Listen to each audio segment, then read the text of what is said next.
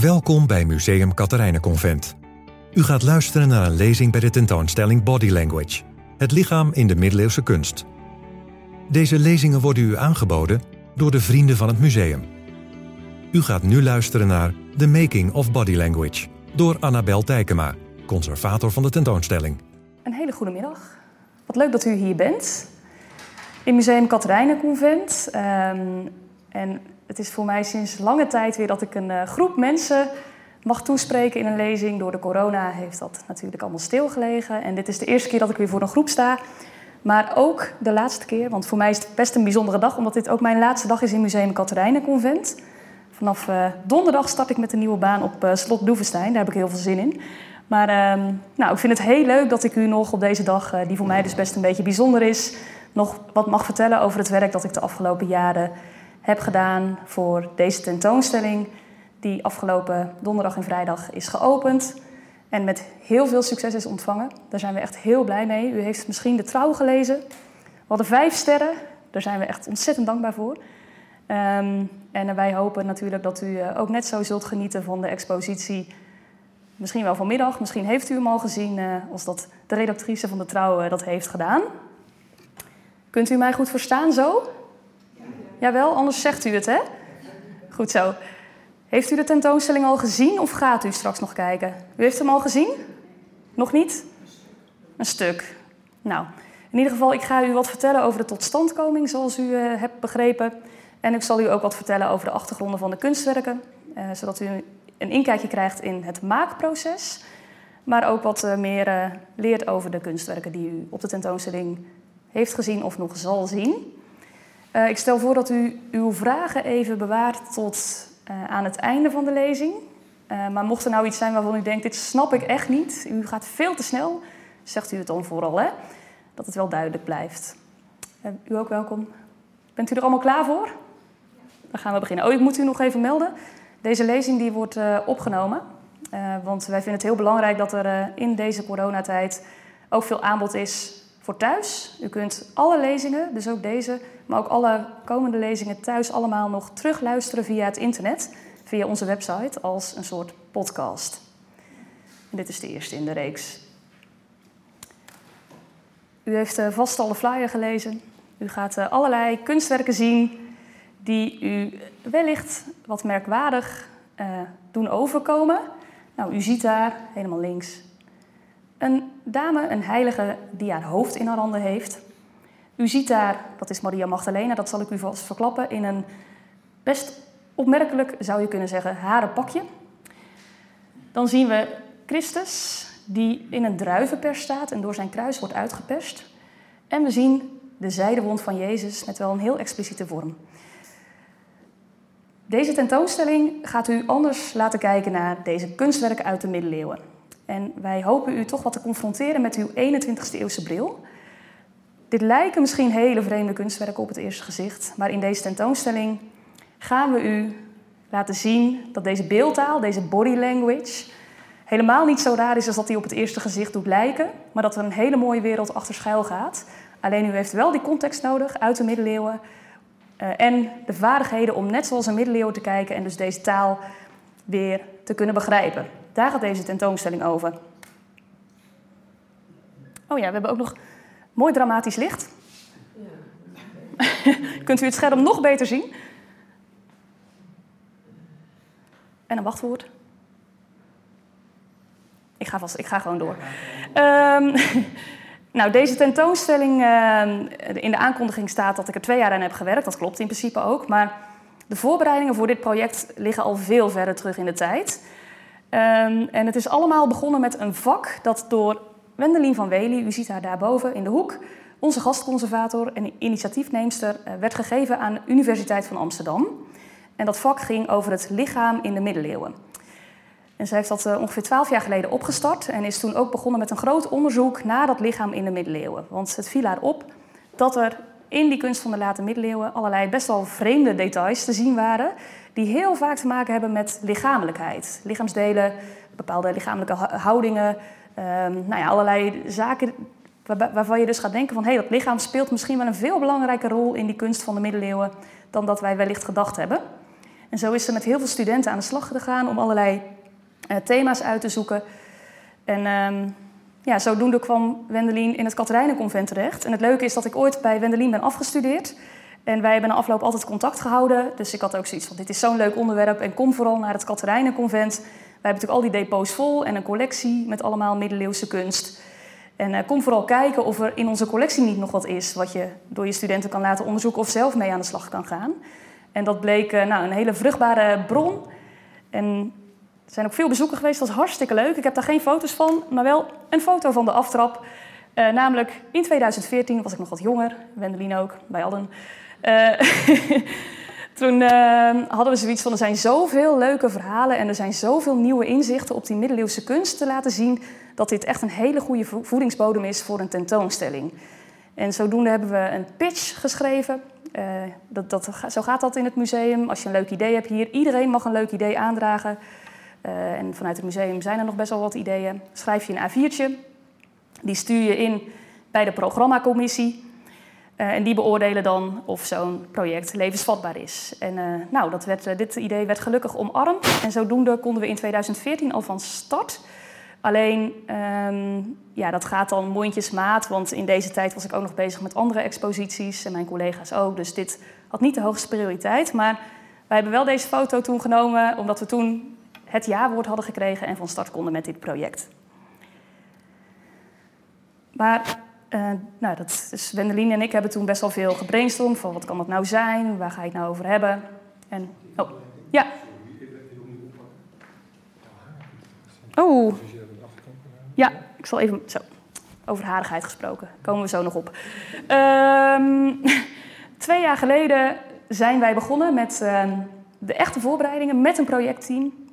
En zo'n projectteam uh, in dit geval bestond uit best wel veel mensen. Iemand van marketing, die heeft die campagne bedacht, die u overal in de stad uh, uh, kan treffen.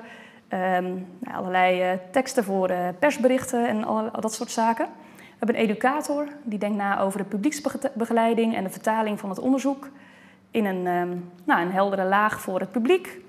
De projectleider, die bindt alle, knoop, of die bindt alle, alle uiteinden aan elkaar. De conservator, die zorgt voor de kunstvoorwerpen en de verhaallijn. Dat mocht ik doen. Iemand van collectiebeheer. Uh, gastconservator hadden wij in dit geval, Wendelin van Wely. En er was ook nog een hele fijne stagiaire die ons ondersteunde met uh, allerlei hele fijne zaken. En met dit team zijn we twee jaar geleden gaan brainstormen over de tentoonstelling over... Toen toen noemden we hem nog het lichaam in de middeleeuwen. En um, we hebben uitgebreid nagedacht van wat kun je nou doen met dat lichaam in de middeleeuwen. Want u moet zich voorstellen dat onderzoek van die UvA, dat waren de allerleukste onderzoeken, echt fantastisch, maar wel heel breed. Het lichaam in de middeleeuwen is natuurlijk heel breed. Dan denk je ook aan zaken zoals ziekte, hygiëne, schoonheidsidealen, um, hoe de lichaamscultuur zich verhoudt tot de lichaamscultuur van nu. nu. Dat zijn allemaal dingen waar wij over na hebben gedacht. Maar uh, nou, dat is best een uitdaging. Dat doe je in principe voor iedere tentoonstelling. Want een boek of een onderzoek is altijd nog wat anders dan een expositie.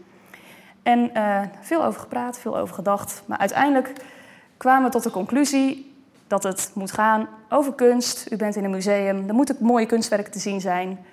We gaan het hebben over dat lichaam. En Katerijnenconvent is natuurlijk het museum voor de geschiedenis van het christendom. Dus het moet ook gewoon gaan over wat dat lichaam nou betekende in de devotie van de middeleeuwen. En specifiek de late middeleeuwen, omdat daar nou ja, al die prachtige, merkwaardige verbeeldingen te zien zijn. Sorry. Dit is ook een vreemde telefoon. Ik weet niet van wie die is, maar goed. Ik hoop dat die, nog, dat die niet nog een keer afgaat. Uh, nee, zodoende kwamen we dus bij uh, uh, die focus op die kunst uit de late middeleeuwen. Kunst. Telefoon van Gerian is dit. Sorry hoor, jongens. Dank je. Um, en tot de volgende thema's. Wij dachten het moet gaan over zaken als wonden, bloed, haar, hoofd, genitaliën, borsten en melk. En je ziet dat in de kunst die we dus verzameld hadden, Wendelin en ik hebben eindeloos kunstwerken bijeengeraapt, eindeloos boeken bestudeerd met kunst waarin dat lichaam zo eh, naar voren komt. En je ziet dus dat deze lichaamsdelen de lichaamsdelen zijn die het meest verbeeld worden en waar ook het meeste mee is. Dus vandaar dat we tot deze, tot deze thema's kwamen. En toen dachten we, ja, waarom nu die middeleeuwen? Waarom moeten we het hebben over uh, Jezus, Maria, heiligen en hun lichaamsdelen in de middeleeuwen? En waarom vinden we het belangrijk om te laten zien dat hun lichamen zo belangrijk worden in die tijd? En een van de redenen was dat dat lichaam in de middeleeuwse kunstgeschiedenis er nog op bekijkt van afkomt. U kent wellicht deze kunstwerken. Als u een beetje thuis bent in de kunstgeschiedenis, heeft u vast en zeker uh, de Apollo gezien. En uh, natuurlijk de, de, Adam van Michelangelo in de Sixtijnse kapel. Nou, dat, u ziet het, dat zijn volmaakte lichamen. Geen grammetje te veel. Vo volledig afgetraind. Nou, het zijn de geïdealiseerde lichamen van die tijd. Volstrekt anders dan het lichaam in de middeleeuwen. Alleen door uh, deze verbeeldingswijze is in de kunstgeschiedenis dat lichaam heel vaak genegeerd in de middeleeuwen. Dus als je de boeken bestudeert, de literatuur over het lichaam, dan gaat het altijd over de Grieken en de Romeinen en de Renaissance en de 17e eeuw. Maar die middeleeuwen worden altijd genegeerd. Maar in deze tentoonstelling laten wij zien dat dat lichaam wel degelijk een belangrijke rol speelt in de devotie en de kunst van de late middeleeuwen. En um, dat hebben we te danken aan niemand minder dan Jezus zelf. Ik weet niet hoe uh, bijbels onderlegd u bent, maar u, ik ga ervan uit dat u allemaal vertrouwd bent met het verhaal van het laatste avondmaal. Waarin Jezus um, het brood breekt en dat aan zijn discipelen geeft en zegt: Dit is mijn lichaam. Vervolgens deelt hij de wijn en zegt: Dit is mijn bloed. En daarmee zet Jezus natuurlijk zelf aan tot nou ja, dat belang van dat lichamelijke in het christendom. En daardoor ontstaat ook dit iconische beeld natuurlijk. U kunt het niet meer wegdenken uit kerken in Nederland en over de hele wereld. Er zijn er miljoenen van verbeeld, dit soort crucifixen. Um, nou ja, zo'n standaard, zo'n zo'n icoon voor uh, de christelijke kunst. Alleen, dat is helemaal niet zo vanzelfsprekend. Het heeft heel lang geduurd, meer dan duizend jaar, voordat men tot dit beeld was gekomen. En dat komt als volgt. Uh, Jezus is gekruisigd, dat weet u. Alleen dat was in die tijd, de tijd van de Romeinen, echt de meest schandelijke dood die je kon sterven. Uh, de kruisdood was bestemd voor misdadigers, voor uh, nou ja, de, de, ergste misdadigers, die stierven aan het kruis. En in die tijd was natuurlijk, het, de, de, verbeelding van de mensen was, des, was, waren destijds die Apollo's, dus die hele geïdealiseerde godenbeelden. En men vond het heel ingewikkeld om een god te verbeelden die op zo'n schandelijke manier gestorven was. Hoe doe je dat nou? En u ziet hier een uh, afbeelding. Daar ziet u het origineel en dat is een lijntekening van de eerste verbeelding van Jezus aan het kruis. De oudste die we kennen, uit de tweede eeuw, gevonden op Palatijn in Rome. En het is een soort ingekraste uh, spotprent die u in de muur treft, daar, een van de gebouwen. En u ziet daar Christus aan het kruis met een ezelskop. En uh, daar staat onder uh, Alexamenos aanbidt zijn God. En de boodschap is hier wel heel duidelijk. Hè? Het is niet zomaar een God, maar wel een hele rare God die die aanbidt, want die is namelijk gekruisigd. Dus dit is het oudste voorbeeld, het oudste voorbeeld dat we kennen van Christus aan het kruis. Maar het is een spotprint. En in de eeuwen daarna zie je dat men dat dus heel ingewikkeld vindt om Jezus te verbeelden. En dat duurt dus heel lang voordat ze daar naartoe gaan. Wat ook meespeelt, is dat men enorm worstelt met de identiteit van Jezus. Want Jezus is niet alleen God, maar ook mens. En er is geen enkele andere God op de wereld waarbij dat zo is, die die dubbele identiteit heeft, dus zowel het goddelijke als het menselijke. En hoe beeld je dat nou af? Hoe zorg je nou dat je die boodschap duidelijk maakt? En in de middeleeuwen vinden ze daar de oplossing voor en is er dus ontzettend veel ruimte voor die menselijke zijde van uh, Jezus. En op het moment dat dat dus duidelijk wordt, uh, zie je dus dat er, een, dat er een enorm rijke beeldtaal ontstaat die wij in deze tentoonstelling laten zien, waarbij er dus zoveel aandacht is voor die menselijke kant van Jezus, Maria en Heiligen. En dit verhaal wat ik u nu eh, vertel, dat kunt u zien in de eerste ruimte van de tentoonstelling. U bent daar de trap op gekomen. U gaat uh, daar uh, linksaf en dan gaat u de eerste ruimte in. En daar treft u een mooi hologram Um, van de gastconservator. En uh, we hadden de afgelopen donderdag en vrijdag de opening van de tentoonstelling. En Wendelin, haar broer, die stapte binnen en uh, die vertelde haar direct dat uh, zijn ergste nachtmerrie was uitgekomen. Namelijk zijn zus in 3D, in een hologram. die die Nou, die zag dat liever niet, maar veel gasten vinden het leuk dat, dat je dus op die manier wordt toegesproken in de vorm van een college, waarin Wendelin uitleg geeft over nou ja, de totstandkoming van die beeldtaal, van die body language. Daarom hebben we de tentoonstelling ook zo genoemd. Um, en daar geeft ze toelichting op. En, wat, uh, en we beginnen de tentoonstelling met dit wonderschone kruisbeeld. Dat komt uit een kerk uh, vlakbij Keulen in Hut, klein dorpje. Um, het is heel zeldzaam en um, ja, op het eerste gezicht misschien best wel gruwelijk. Als u kijkt, hè, best wel veel bloed, best wel veel wonden. Nou, Jezus is volstrekt uitgemergeld. En ja, dit is dus echt wel een heel andere verbeelding van um, een godsbeeld dan in de periode daarvoor. Wat we in deze tentoonstelling willen laten zien, is dat je context nodig hebt, wat ik al zei, om deze beeldtaal of dit soort kunstwerken goed te kunnen lezen. En vaak uh, heb je uh, een Bijbelverhaal nodig, dan kun je iets snappen, maar in heel veel gevallen zit die body language, die beeldtaal, heel diep verscholen in details van een beeld. Zoals bij dit stuk. U ziet daar um, op het lichaam, kunt u dat zien, allemaal rondjes. En dat zijn niet zomaar rondjes, maar dat zijn uh, verwijzingen naar de zwarte dood, de pest. Dit beeld is namelijk gemaakt omstreeks 1350. En dat was het moment dat de pest in Europa op zijn hoogtepunt uh, was. En u snapt natuurlijk de relatie met de coronacrisis. En wij hadden al ver voordat de, de crisis uitbrak bedacht dat dit een heel mooi startbeeld zou zijn, maar uh, door deze dimensie krijgt het nog extra gelaagdheid. Maar die builen die zitten daar dus niet voor niks. Die verwijzen naar die symptomen van die ziekte. En de toeschouwer zal dat absoluut herkend hebben in de 14e eeuw en zal hopelijk bij dit beeld ook hoop en troost hebben gevonden. Met het idee dat je er niet alleen voor staat, maar dat Jezus ook door zoiets heen is gegaan. En um, nou, biedt waarschijnlijk aan de mensen een positieve boodschap. Maar je moet dus wel snappen waarom die builen er zitten en wat de context is van waaruit dat is ontstaan. Datzelfde geldt voor die straaltjes die uit die builen komen. Als u goed kijkt, ziet u telkens dat dat er drie zijn.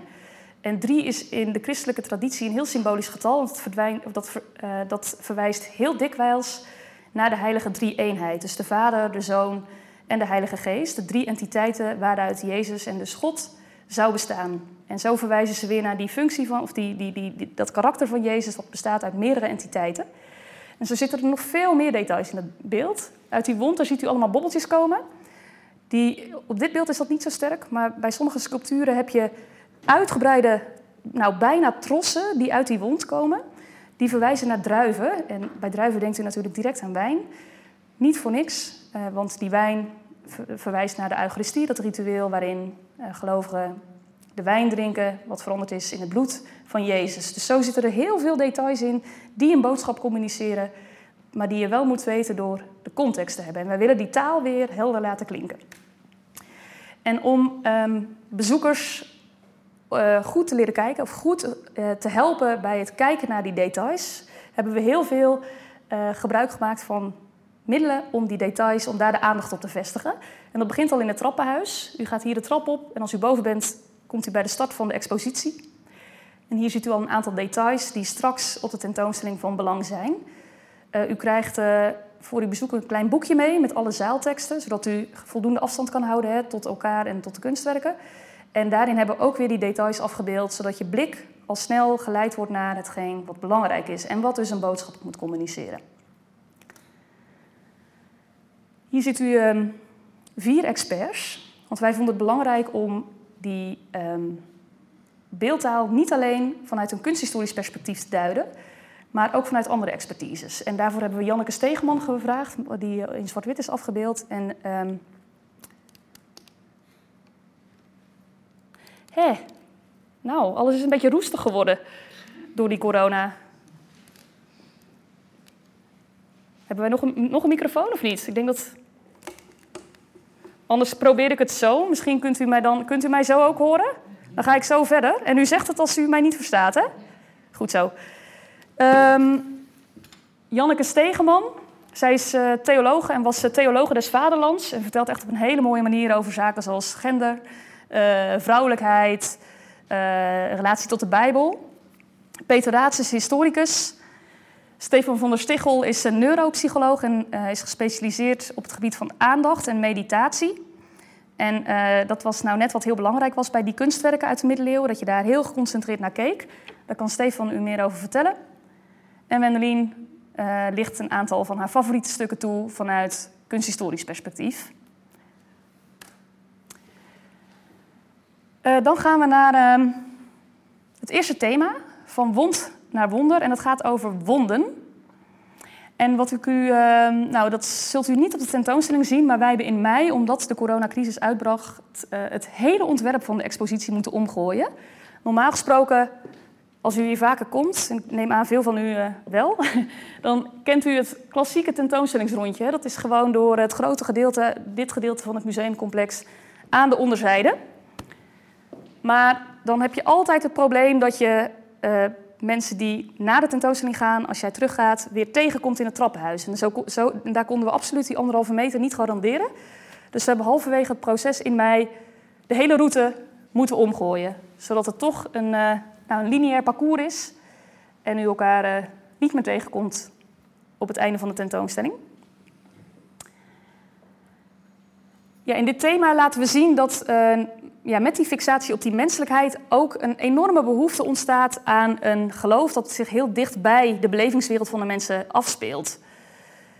Um, persoonlijke geloofsbeleving, uh, veel aandacht voor die lichamen, daarmee kan je je mooi identificeren. En ook steeds meer aandacht voor lichaamsdelen. En in het bijzonder de wonden van Jezus die hij opliep bij zijn kruisiging. We hebben allemaal prachtige kunstwerken waarbij uh, Jezus zijn wonden laat zien. Maar op een gegeven moment zie je in de middeleeuwen dat die wonden zich ook loszingen van het lichaam. hier hebben we een prachtig gebedenboek uit de, de Koninklijke Bibliotheek.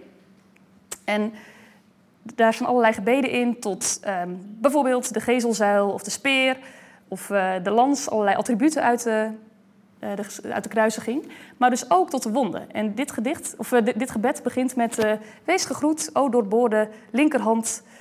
Um, en vervolgens een gebed bid voor mij, et cetera. Um, het volgende gedicht gaat over de vijf wonden van Jezus. Waarbij het niet alleen om zijn hand- en uh, voetwonden gaat en zijn zijde, maar ook om zijn hart. Want ze geloven in de middeleeuwen dat die zijdewond een toegang is tot het hart van Jezus. Uh, dat hart zien we ook terug in deze miniatuur. Um, een miniatuur uit de Bodleian Libraries in Oxford. En helaas, helaas, helaas kon dit stuk door de coronacrisis uiteindelijk toch niet naar het museum komen. Vonden we heel jammer. We hebben een aantal stukken die helaas gesneuveld is op de valreep uh, door uh, de coronamaatregelen. En we hebben ervoor gekozen om ze toch in de tentoonstelling op te nemen aan de hand van uh, reproducties. Omdat we het toch belangrijk vonden om de vormgeving en de verhaallijn van de expositie intact te houden.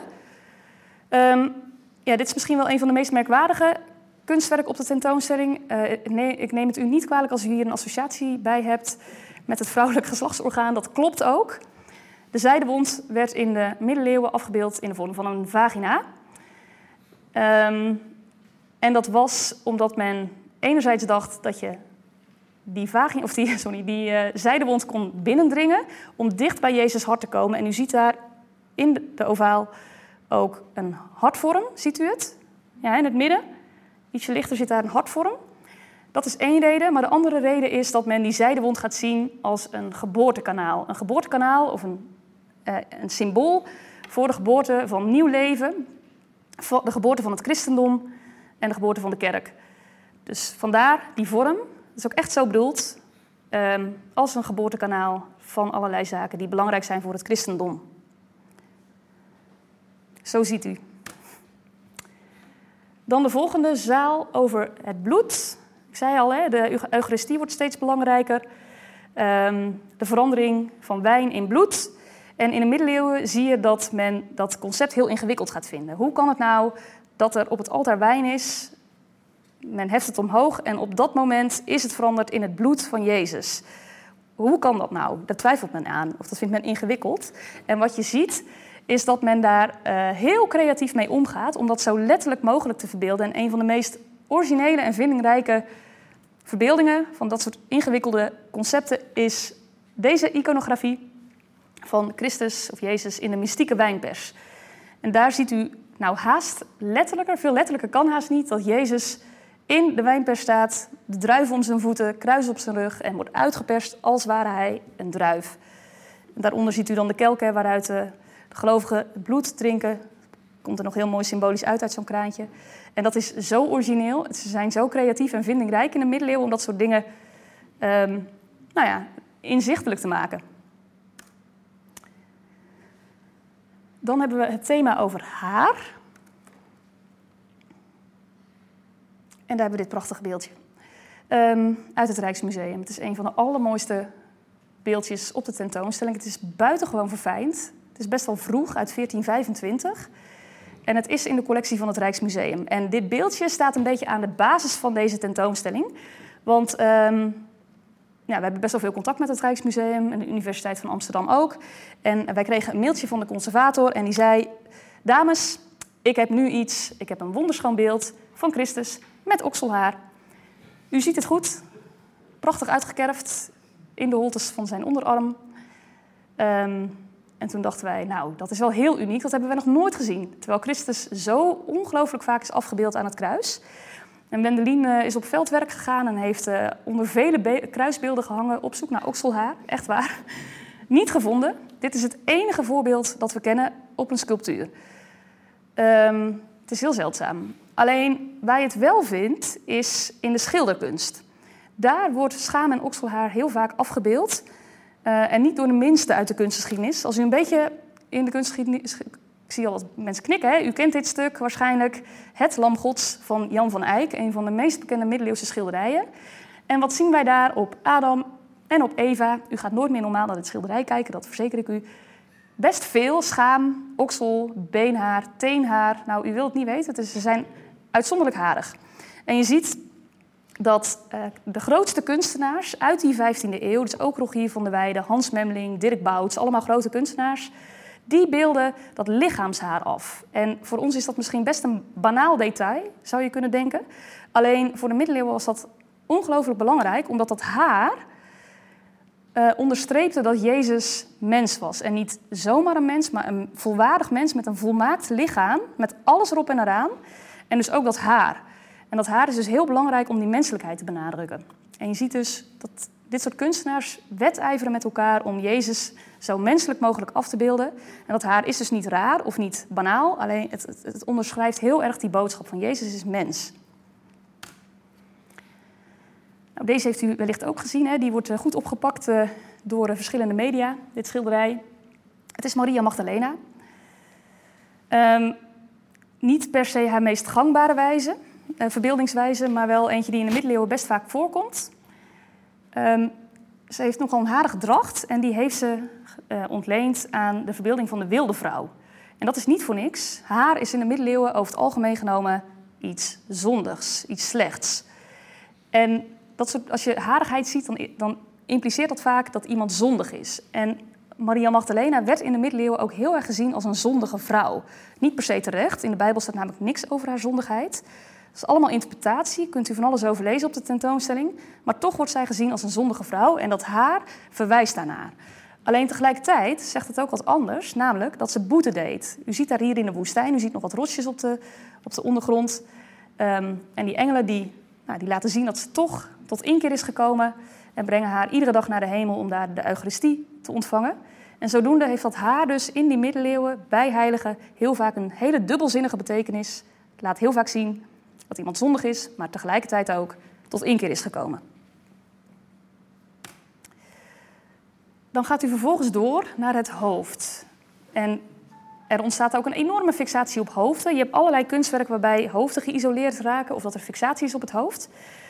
Uh, en dat is allemaal weer uh, met als doel om die heilige dichtbij je te hebben. Het is heel fijn voor de middeleeuwen om oog in oog te kunnen staan met Jezus, met Maria, met heiligen. En vandaar dat er ook een fixatie ontstaat op die hoofden. En we hebben bijvoorbeeld twee hele prachtige beelden uit Parijs. We zijn heel blij dat die alsnog konden komen, want ik zei al, hè, met die corona was het allemaal heel erg spannend. Een, een, een Parijse bibliotheek kon ze spullen al niet uitlenen. En gelukkig um, is het toch, uh, hebben de, de, eigenaren van de, deze twee beelden zich toch bereid gevonden om de spullen naar Utrecht uh, te sturen. Daar zijn we echt heel blij mee. En zeker dat linkerbeeld, als u de tentoonstelling al heeft uh, gezien, heeft u het niet kunnen missen, want het staat heel prominent en ook heel mooi, vind ik. Maar oordeelt u daar vooral zelf over. twee beelden van heiligen die hun hoofd in de arm hebben.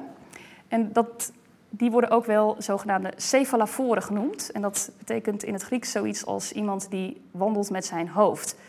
Zij zijn beide onthoofd, maar waren het niet eens met de plaats waar ze begraven zouden worden. En bij wijze van goddelijke interventie konden ze hun hoofd oppakken en wandelen naar de plaats die wel hun voorkeur had. En de bekendste van die cephaloforen is Saint-Denis. Saint-Denis, hè, u kent de, de, de Parijse voorstad, vernoemd naar deze heilige. En niet voor niks, want dit was de plek waar Saint-Denis begraven wilde worden. Hij is eigenlijk onthoofd op Montmartre, wat zuidelijker. En Montmartre betekent natuurlijk berg van de martelaren. En dat, nou, die wijk heeft zijn naam te danken aan deze Saint-Denis. En ook hier ging het weer, dus om die nabijheid. Zo iemand kiest een plek. Deze Cephaloforen kiezen hun laatste rustplaats. En zodoende is er al heel veel goodwill natuurlijk op de plek waar zo iemand begraven ligt. En dat trekt weer allerlei pelgrims. En die hoofden die, ja, die, die spreken zo tot de verbeelding dat uh, dromme pelgrims daarheen uh, trekken door deze wonderbaar, wonderbaarlijke wandeling. Ik heb even een plaatje ertussen gedaan van de installatie. Was ook nog een hele kunst. De opbouw speelde de afgelopen weken. Moest natuurlijk allemaal met mondkapjes op anderhalve meter. Uh, lukte niet altijd. Ik bedoel, zo'n groot zwaar beeld moet je natuurlijk met z'n tweeën kunnen vasthouden. Uh, en gelukkig is dat allemaal gelukt. U ziet daar de restaurator rechtsboven, de koerier uit het Louvre en mijn collega Jelle die het beeld op zijn plek zette. En ik moest wel erg lachen toen die kist openging, want normaal zie je altijd een hoofd boven de steunen uitsteken, hier eronder. dat ga ik nooit meer meemaken, denk ik zo. Dat was een hele bijzondere, bijzondere opbouw, laat ik het daarbij houden. Dan ga je vervolgens de gang in en kom je bij het thema naakt. Naakt met betekenis. En daar laten we zien dat, ja, u kent wellicht de naakt, hè, uit de, u zag ze net ook, uit de klassieke oudheid, uit de renaissance. Daar is er volop naakt verbeeld, maar in de middeleeuwen gebeurde dat ook. Alleen daar is naakt nooit zomaar naakt. Daar heeft het altijd een hele sterke betekenis in zich, een hele sterke boodschap. Dat geldt bijvoorbeeld voor het Christuskind. Nou, dit beeldje, klein babytje, maar onmiskenbaar Jezus. Hè. Zijn zegenende gebaar heeft hij. Uh, met zijn ene hand en in zijn andere hand heeft hij een wereldbol. Onmiskenbaar. Maar wat een heel opvallend detail is aan dit beeldje, is dat hij nogal opzichtig zijn beentje spreidt. En hij toont u zijn genitaliën. Dat doet hij niet voor niks, want hij wil u laten zien dat hij mens is en man. Hij is een, nou, net als met dat haar, precies hetzelfde idee. Hij is een volledig mens met alles erop en eraan. En hij heeft een piemeltje, dus het is een jongetje. Uh, dat is, was heel belangrijk. Het is niet zomaar iemand met alleen uh, lichamelijke eigenschappen, maar hij heeft een volledig lichaam. Diezelfde boodschap wordt uitgedragen door dit beeldje. Maria ziet u daar met een boek en daar het Christuskind met een tuniek die is, uh, met, een, die, met een hele hoge naad boven de navel. En bij dit beeldje is het piemeltje van Jezus weggehaald. En degene die dat gedaan heeft in de geschiedenis, die is volledig voorbij gegaan aan de, aan de boodschap die dit beeld moet uitdragen. Die heeft dat niet begrepen um, en heeft hem gekuist. Alleen, um, ja, die snapte niet dat dat piemeltje dus zo belangrijk was om die menselijkheid te benadrukken. En wat nog een mooie dimensie is aan dit beeld, is dat het waarschijnlijk gemaakt is voor de Antwerpse markt. En in Antwerpen in de kathedraal werd een reliek bewaard van de voorhuid van Jezus. En dat was in de middeleeuwen een zeer belangrijke reliek, samen met de melktandjes en de navelstreng van Jezus, want, uh, of tenminste waar hij aan vast zat. Uh, want dat waren namelijk de enige lichamelijke overblijfselen van Jezus. Dus die, dat reliek was ontzettend belangrijk. En dit beeldje heeft waarschijnlijk in Antwerpen nou ja, ook gediend om dus dat belang van het reliek, van die nabijheid ook, van een stukje lichaam van Jezus uh, te benadrukken. En hier ziet u die beeldjes. Uh, op hun plaats in een soort. Nou, het wordt in het museum ook wel de Barbapapa genoemd. Ik weet niet of dat helemaal terecht is. Het is een eh, installatie om de kunstwerken heen. En ik geef u hier even een, een, Ik hoop dat u het kan zien op deze foto, maar even een idee van de achterkant van die installatie. Ik laat u zo een foto zien van de voorzijde, maar ik wil u even laten zien hoe een ontzettend complex uh, systeem dit was om het uh, te installeren. De vitrines van de kunstwerken zitten namelijk achter gespannen doeken. En je moest dus, mijn collega's moesten dus achter die doeken kruipen om de handschriften, de beelden, de schilderijen te kunnen installeren. Um, want wat we gedaan hebben, ik laat u nu een foto zien van hoe het er nu uitziet, zo. Um, het is heel spectaculair geworden. Het is best wel uitgesproken, dus men zal er wel wat van vinden, vermoed ik. Maar het is in ieder geval spectaculair. want wat wij wilden doen en wat de vormgever ook heel erg benadrukte, was dat hij per ruimte een groot gebaar wilde maken. Die de inhoud van die thema's ondersteunde. Dus in die zaal over bloed en wonden wat ik net zei, die, daar ziet u allerlei verwijzingen naar bloed, dus allemaal vlek op de grond. In de zaal over haar, nou, u zal, u zal het gaan zien, treft, treft u letterlijk een soort haarinstallatie. En dit canvas moest huid symboliseren, want hier gaat het over genitaliën en over borsten. Dus een soort van subtiele verwijzing naar huid. Dus zo hebben we drie grote installaties op de tentoonstelling. We hopen dat het subtiel genoeg is dat de kunst nog voldoende naar voren komt. Dat vonden we heel belangrijk. Ik denk dat dat hier wel gelukt is. Uh, zodat u de kunstwerken goed kan zien, maar wel helemaal wordt meegenomen in uh, de sfeer van uh, dit thema. En u ziet hier al wat Maria staan. En dat kan natuurlijk naar niks anders verwijzen dan naar wonderborsten.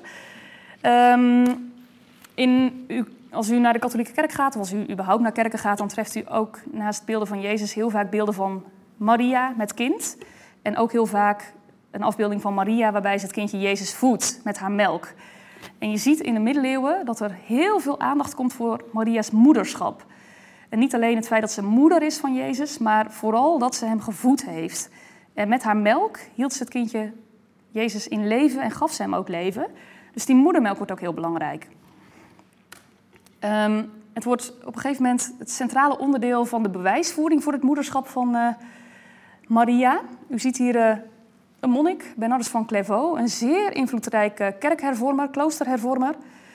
En die bidt heel veel tot Maria, is heel erg gefascineerd door Maria, van hoe zit dat nou met haar moederschap? En hij bidt heel vaak tot haar met de vraag van, toon jezelf nou eens als moeder. Laat, bewijs nou aan mij dat je echt moeder bent van Jezus en dat jij degene bent die hem heeft gevoed. En in de kathedraal van Speyer in Duitsland in de 12e eeuw krijgt hij een visioen waarbij een Mariabeeld tot leven komt. U ziet dat hier op deze prachtige prent uit het Rijksmuseum. En Maria knijpt in haar borst en spuit een straal melk uit. Die landt precies op zijn voorhoofd. En zegt: Kijk, het is waar, ik ben de moeder. En um, dat bewijst ze door haar melk. Er zijn heel veel uh, variaties van uh, deze legende. Het is heel invloedrijk geweest voor het lichaam in de middeleeuwen, in de late middeleeuwen. Een daarvan, een van, de, een van de versies van deze legende, gaat erover dat uh, Bernardus al zoveel heeft gepreekt dat hij de kloof op zijn lippen heeft staan. En haar bidt nou ja, om de waarheid, maar ook om genezing. En Maria doet dat en spuit die straal in zijn mond, op zijn lippen. En ze openbaart zichzelf niet alleen, maar geneest hem ook. U ziet dat heel mooi geïllustreerd hier. Het kindje Jezus geeft de borst nog extra aandacht het duwt nog een beetje, zodat die straal wat extra kracht wordt bijgezet. Zodoende is Bernardus genezen en ehm, wat kennisrijker. Wat u hier heel mooi ziet, is dat die borst van Maria volstrekt op een onmogelijke anatomische manier is weergegeven. Dat zie je ook heel vaak. Anatomie doet er op geen enkele manier toe. In dit geval. Uh, het gaat om die borst, het gaat om die melk. En alle aandacht moet ook uitgaan naar die borst. Dus vandaar, u moet zomaar even op de tentoonstelling kijken de meest merkwaardige plekken zult u die borst, op de meest merkwaardige plekken zult u die borst treffen. Soms uit de, nou, uit de heup, bij wijze van bijna. Soms houdt ze hem vast in haar hand. Um, maar dat is niet raar, want daarmee wil de kunstenaar laten zien... hier moet de aandacht naar uitgaan. Die borst is zo belangrijk, want die is het die uh, leven geeft, genezing geeft. En uh, nou ja, Maria dus toont als moeder.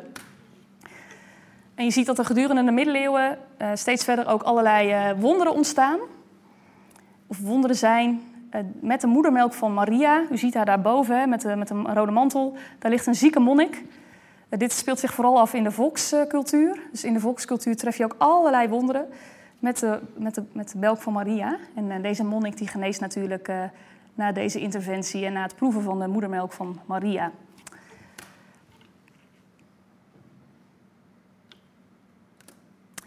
En dan komt u helemaal op het einde van de tentoonstelling bij het laatste drieluik. Uh, dat is een luik uit een collectie in Antwerpen, die over het algemeen gesloten is. Het is een particuliere collectie met waanzinnige kunstwerken. Um, maar ze verzamelen dus op het gebied van het lichaam in de middeleeuwen. Dat was een hele aangename verrassing voor ons. Dus wij mochten ook rijkelijk putten uit hun collectie. Best een aantal stukken die we konden lenen. En nou, toch wel het meest spectaculaire stuk is dit altaarstuk. u kijkt naar de buitenkant van de luiken. Normaal gesproken, het kan ook open, dan ziet u een kruisiging. Nu is het dicht, dan ziet u deze scène. En wat ziet u nu? Ik heb even een detailtje voor u gepakt. U ziet daar Jezus, u ziet daar die bloedstraal. Nou, u kent daar de betekenis van, hè? Bloed van Jezus, gedronken bij de Eucharistie, symboliseert natuurlijk de verlossing en de hoop op het eeuwig leven. En Maria, zij spuit haar melk, net zoals Jezus, naar de overkant. En die melk staat natuurlijk uh, symbool voor de redding en de genezing. En aan de andere kant ziet u een bassin. En dat zal de middeleeuwen ongetwijfeld hebben herkend als de fontein van het eeuwige leven. De engelen halen die vloeistof eruit en storten het neer op allerlei zieltjes die verkeren in het vagevuur. Vagevuur in de middeleeuwen, zeer actueel. Men geloofde dat men eh, aan het eind van het leven uh, naar het vagevuur zou gaan om daar de zonde die men op aarde had begaan uit te zitten. En dit paneel laat prachtig zien dat het lichaam, dus die wond, bloed, de melk, de borst, uh, die verlossing tot het eeuwig leven kunnen bewerkstelligen. Dus zonder dat lichaam geen redding. En wij vonden het daarom heel mooi om uh, met dit paneel te eindigen. En uh, daarmee uh, ook mijn lezing. We hebben nog een paar minuutjes voor vragen. Dank u wel voor uw aandacht. Gaat u vooral zo kijken, als u dat nog niet gedaan heeft. En ehm, ja, dank u wel.